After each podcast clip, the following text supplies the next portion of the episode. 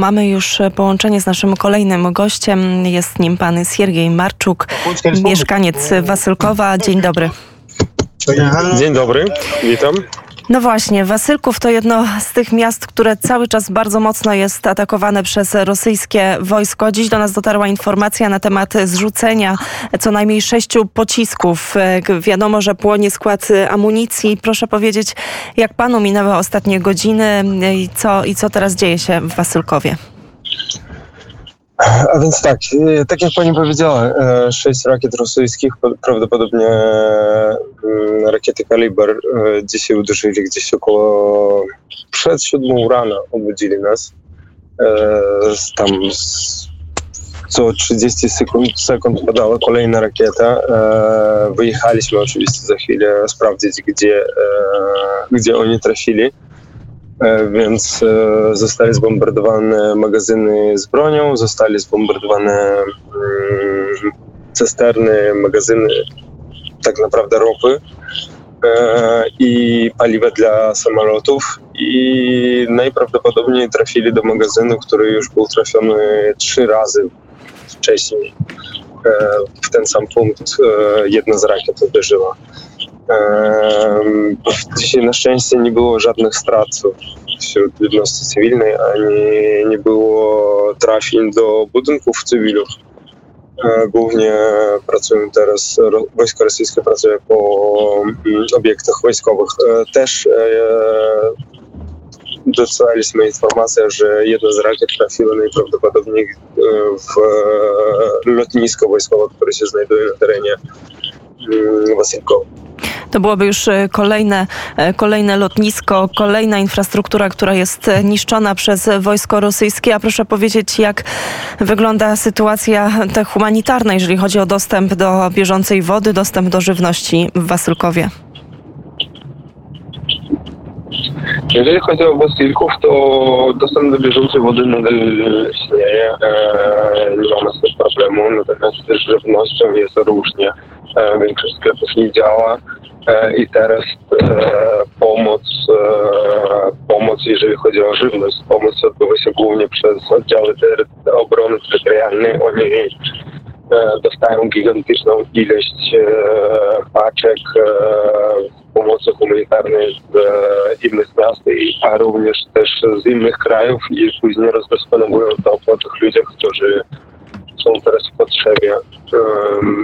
Rozwozimy to codziennie, wyruszają kolejne i kolejne transporty wolontariuszy, którzy rozwożą jedzenie po, do starych ludzi, e, do rodzin z dziećmi, którzy są pochowane teraz po piwnicach e, okolicznych wsi, ale też dużo ich ilość jest w mieście.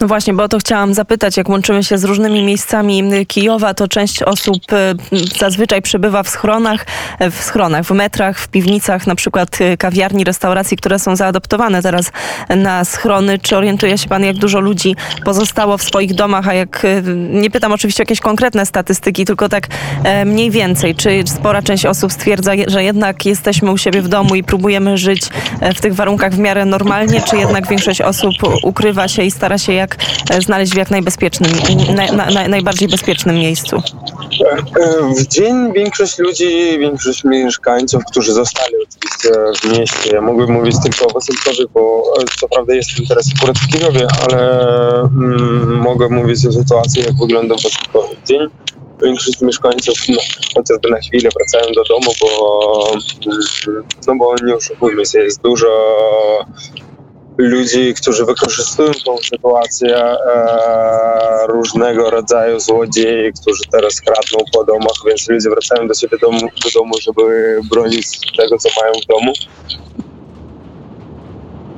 E, wszystkie schrony są pełne i ludzi ludzie wracają do schronów, no bo zazwyczaj w nocy albo nad ranem, jak to dzisiaj było, zaczynają się bombardowania, więc, e, więc e, no, większość ludzi nie ryzykuje zostawać w domu, albo jeżeli zostają w domu, to zostają w tych domach, w których są e, w miarę wytrzymałe piwnicy. Poznałem taką rodzinę, która w dom, w dom, który trafił pocisk, e, bomba e, z samolotu i, i ta rodzina akurat znajdowała się w piwnicy i oni wszyscy przeżyli.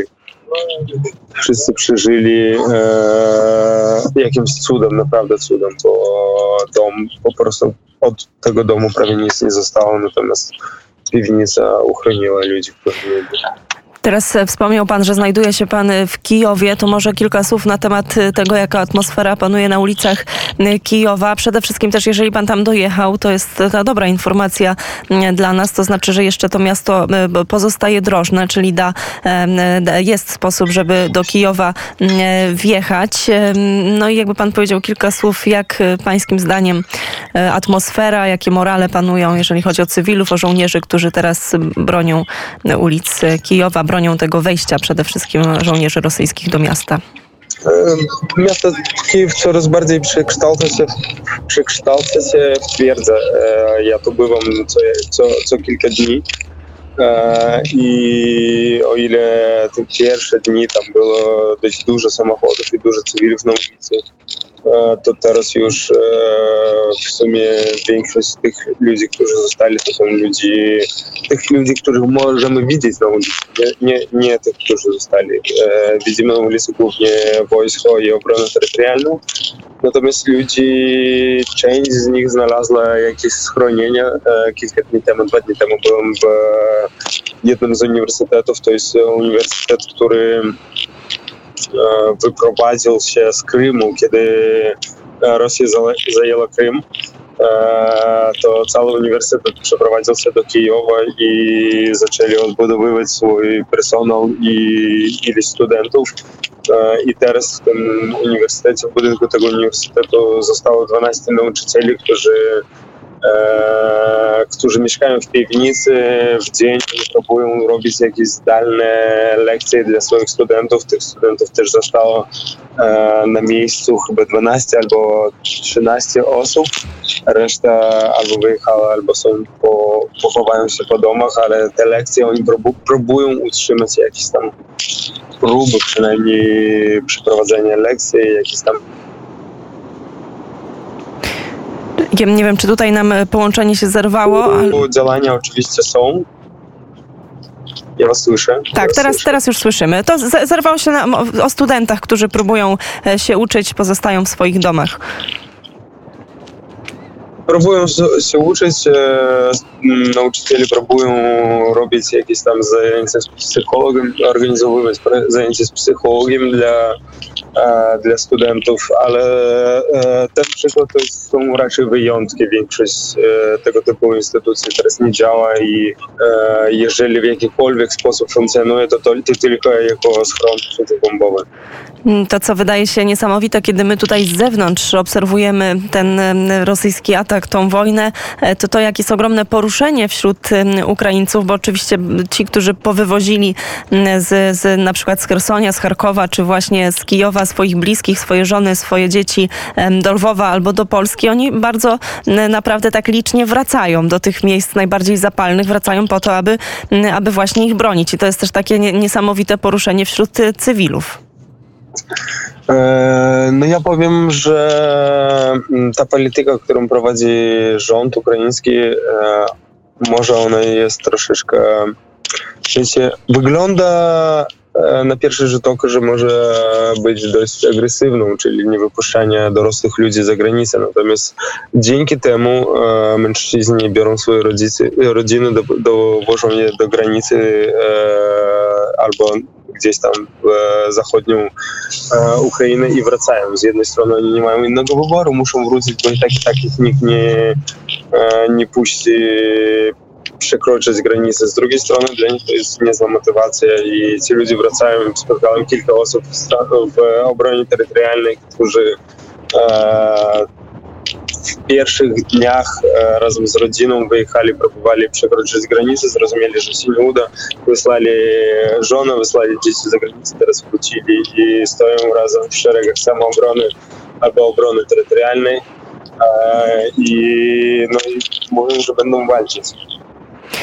No, mamy też tak, że tutaj organizujemy zbiórki nie tylko w Radiu Wnet, w wielu innych miejscach i zazwyczaj jak już uda nam się połączyć z jakimś miastem mm, w Ukrainie, to ja proszę o to, aby mówić, co jest najbardziej potrzebne. Pewno to jest tak, że ten sprzęt wojskowy, no tego cywile nie mogą kupić, nie mogą dowieść do granicy, ale mogą dowieść leki, mogą dowieść bandaże, szereg innych rzeczy. E, szły już dwa i pół tygodnia, dwa i pół tygodnia, można powiedzieć, odkąd Ukraina bardzo dzielnie się broni. Czy pan się może orientuje, jak wygląda kwestia tego zaopatrzenia, jakie są zapasy, jeżeli chodzi na przykład o Kijów, bo to jest teraz to miejsce, e, które też bardzo mocno jest atakowane i co najbardziej jest potrzebne? E, oczywiście medycyna taktyczna, e, wszystkie rodzaje turniketów i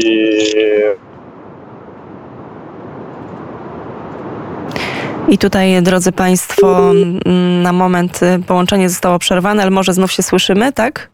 Nie słyszymy się. Pan Siergiej e, Marczuk, ale to ja może przekażę, że e, to, co jest na pewno potrzebne i to, co każdy z nas e, może zakupić, to właśnie szereg takich środków higienicznych. Chyba już połączenie nam, nie, jeszcze tego połączenia wciąż nie ma. Leki, jeżeli już, to najlepiej kontaktować się z fundacjami, które w sposób zorganizowany i, i to, to wiedzą, jakie leki są najbardziej potrzebne potrzebne, ale na pewno e, bandaże, na pewno gazy, te maseczki, e, wszystkie te rzeczy. E, ten spis też zresztą znajdą Państwo na stronie wnet.fm i na każdej stronie większej fundacji, czy to Polski Czerwony Krzyż.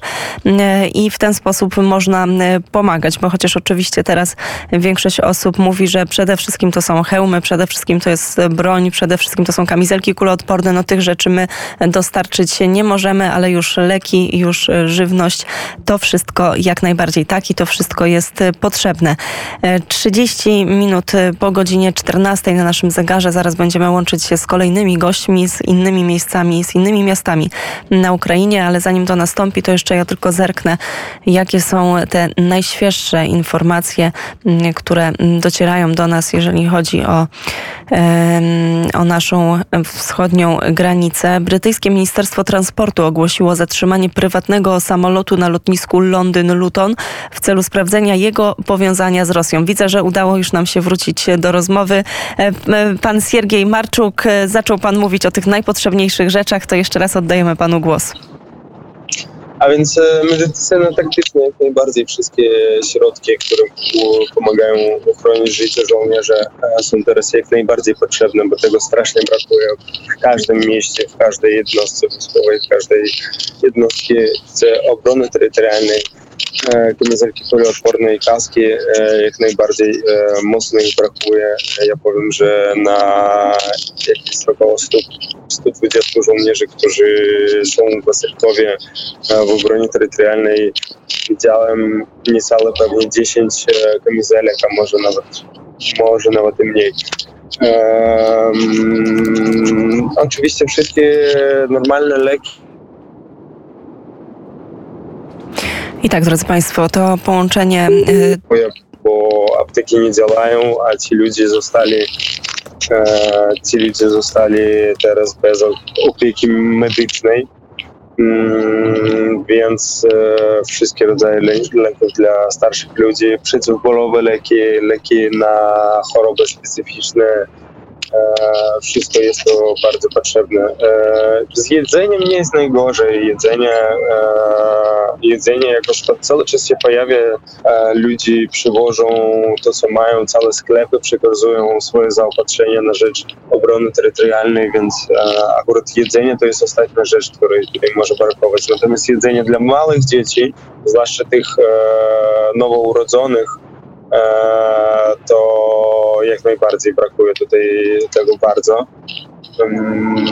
Wszystkie rodzaje środków higieny, pampersy dla małych dzieciaków jak najbardziej są, są poszukiwane. I tutaj na razie postawmy kropkę. Bardzo serdecznie panu dziękuję. Jeszcze tylko zapytam, e, czy będzie pan, czy planuje pan wracać do Wasylkowa, e, czy może już teraz zostanie pan w Kijowie?